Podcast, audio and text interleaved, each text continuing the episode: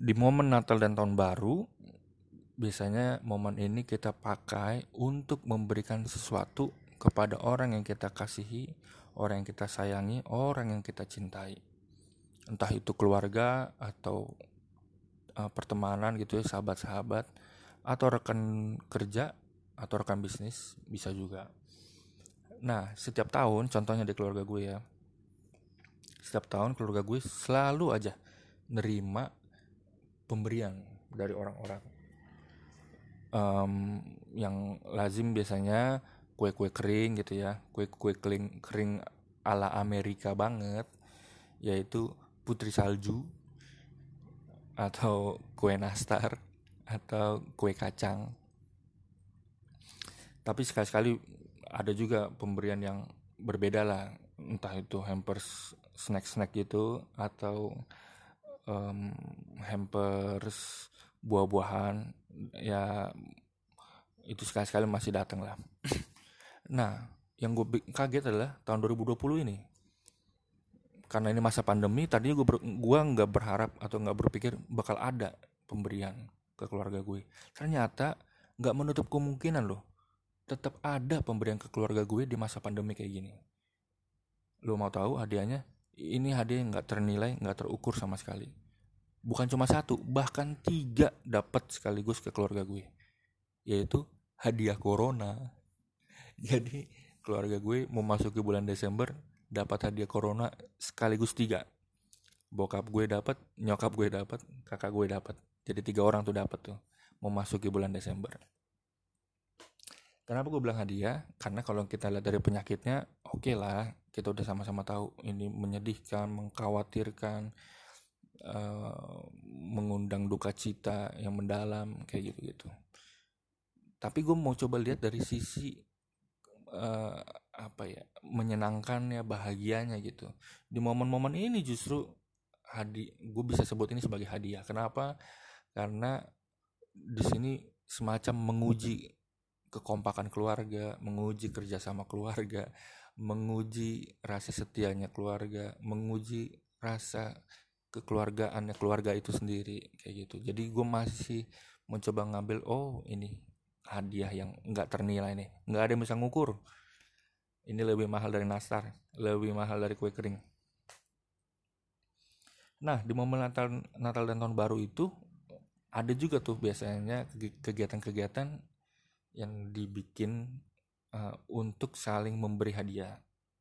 Uh, contohnya itu tuker kado atau cross kado gitu ya biasanya tuh tuker kado di antara geng gitu ya pertemanan atau di teman kantor biasanya tuh. Atau teman kuliah atau juga keluarga juga ada juga yang kayak gitu-gitu. Yang yang sebenarnya pentingnya di ngumpulnya sih kayak gitu. Nah cross kado ini uh, biasanya barang-barang yang ya pasti bagus lah barang-barang yang terbaik. Barang-barang branded ya mungkin ada yang ngasih tas atau kemeja atau apa ya gaun atau kain. Kain biasa itu kalau perempuan tuh. Jadi nanti bisa mereka jahit sendiri. Um, atau barang branded lainnya apa? Kacamata hmm, atau tas tas tenteng gitu banyak lah macam-macam. Entah itu branded terkenal atau enggak emang harganya cukup layak atau barangnya memang dibutuhkan gitu. Nah gue punya tips nih buat lo yang mungkin nanti di momen berikutnya gitu ya mau mempersiapkan cross kado buat lingkungan pertemanan. Saran gue lu siapin barang satu ini. Karena ini barang yang nggak bakal zong eh, barang yang nggak nggak bakal uh, mengecewakan siapa pun di momen apa pun dan ke siapa pun. Ini barangnya branded, ini mereknya paling terkenal dan ada di semua tempat dan orang pasti tahu ini barangnya. Yaitu lu siapin tisu. Siapa sih yang nggak tahu tisu? Siapa sih nggak suka dikasih tisu? Kayaknya semua orang suka sih. Cross kado dapat tisu. Gila nggak? Kalau ada orang ngasih cross kado tisu. Dan ini gue alamin banget. Ikut cross kado di lingkungan pertemanan gitu ya. Ada lu kepikiran ngasih tisu. Bahkan tisunya pun oke okay lah. Tisu branded tisu Tesa tisu Paseo. Tapi ini ngasih tisu bahkan yang merek swalayan. Yang lo tau lah rentang harganya. Bahkan kalau di jajaran-jajaran belanjaan gitu dia dia bisa klaim uh, paling murah atau lebih murah berarti kita udah tahu lah harganya gitu berapa ya.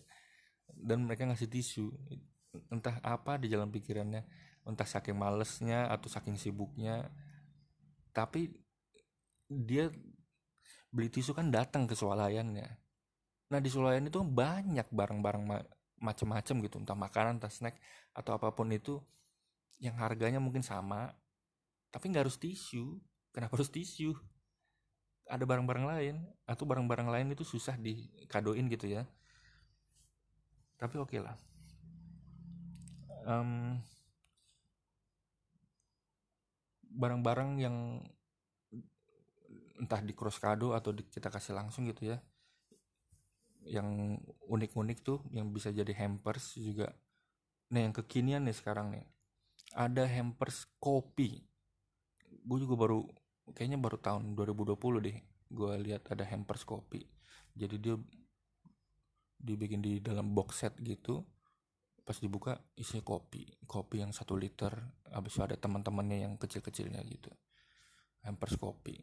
Atau yang lebih estetik lagi mungkin ini untuk di kalangan perempuan gitu ya hampers make up.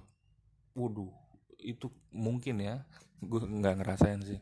Mungkin ya kebahagiaan yang paling tinggi itu dapat hampers make up. Apalagi kalau mereknya merek yang kita suka gitu ya. Karena hampers kan nggak mungkin kecil kan biasanya. Hampers kan biasanya cukup besar lah eh, barangnya beragam.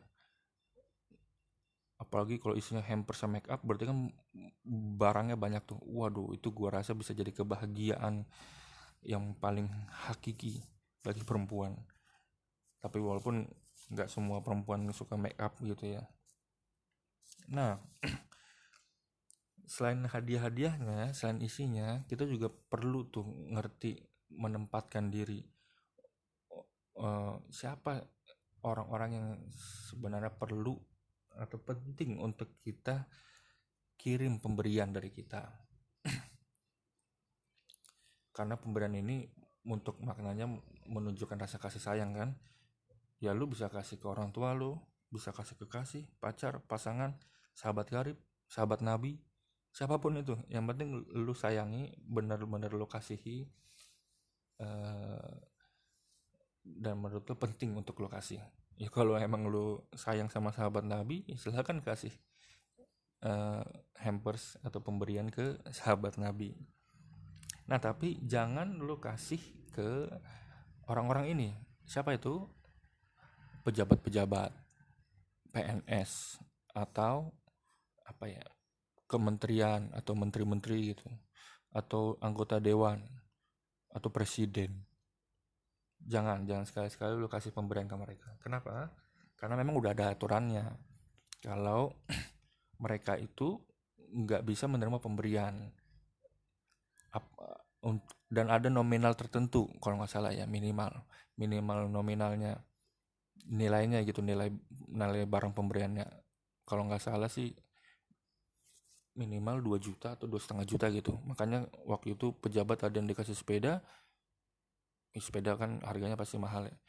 Jadi dia harus segera melaporkan ke KPK dan disetor jadi barang milik negara. Jadi jangan sekali-sekali lu kasih ke mereka karena selain itu bisa diduga untuk menyuap atau menyogok itu adalah sebuah kesia-siaan karena itu bakal dilaporkan ke KPK gitu. Jadi nggak bakal dinikmati sama orang itu sendiri. Nah eh, selain bentuknya barang atau segala macam kita juga kayaknya perlu membiasakan sih. Uh, kan biasanya kita suka gitu ya memberi uh, ucapan nat ucapan Natal atau ta ucapan tahun tahun baru dengan bentuk amplop gitu ke petugas-petugas atau um, entah petugas apa aja ya petugas kebersihan atau petugas Natal eh petugas Natal petugas kepolisian atau petugas keamanan di mana pun itu ya.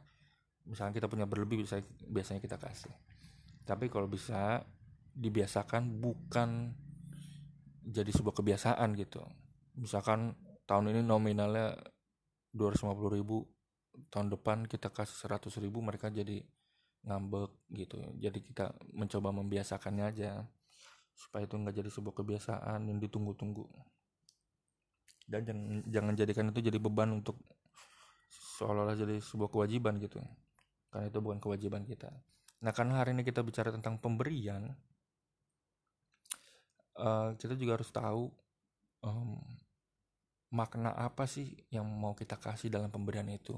Tentunya pemberian itu sebagai bukti atau um, ingin menunjukkan rasa kasih sayang rasa apa ya rasa kekeluargaan ingin mengakrabkan diri terutama karena udah di penghujung tahun gitu ya.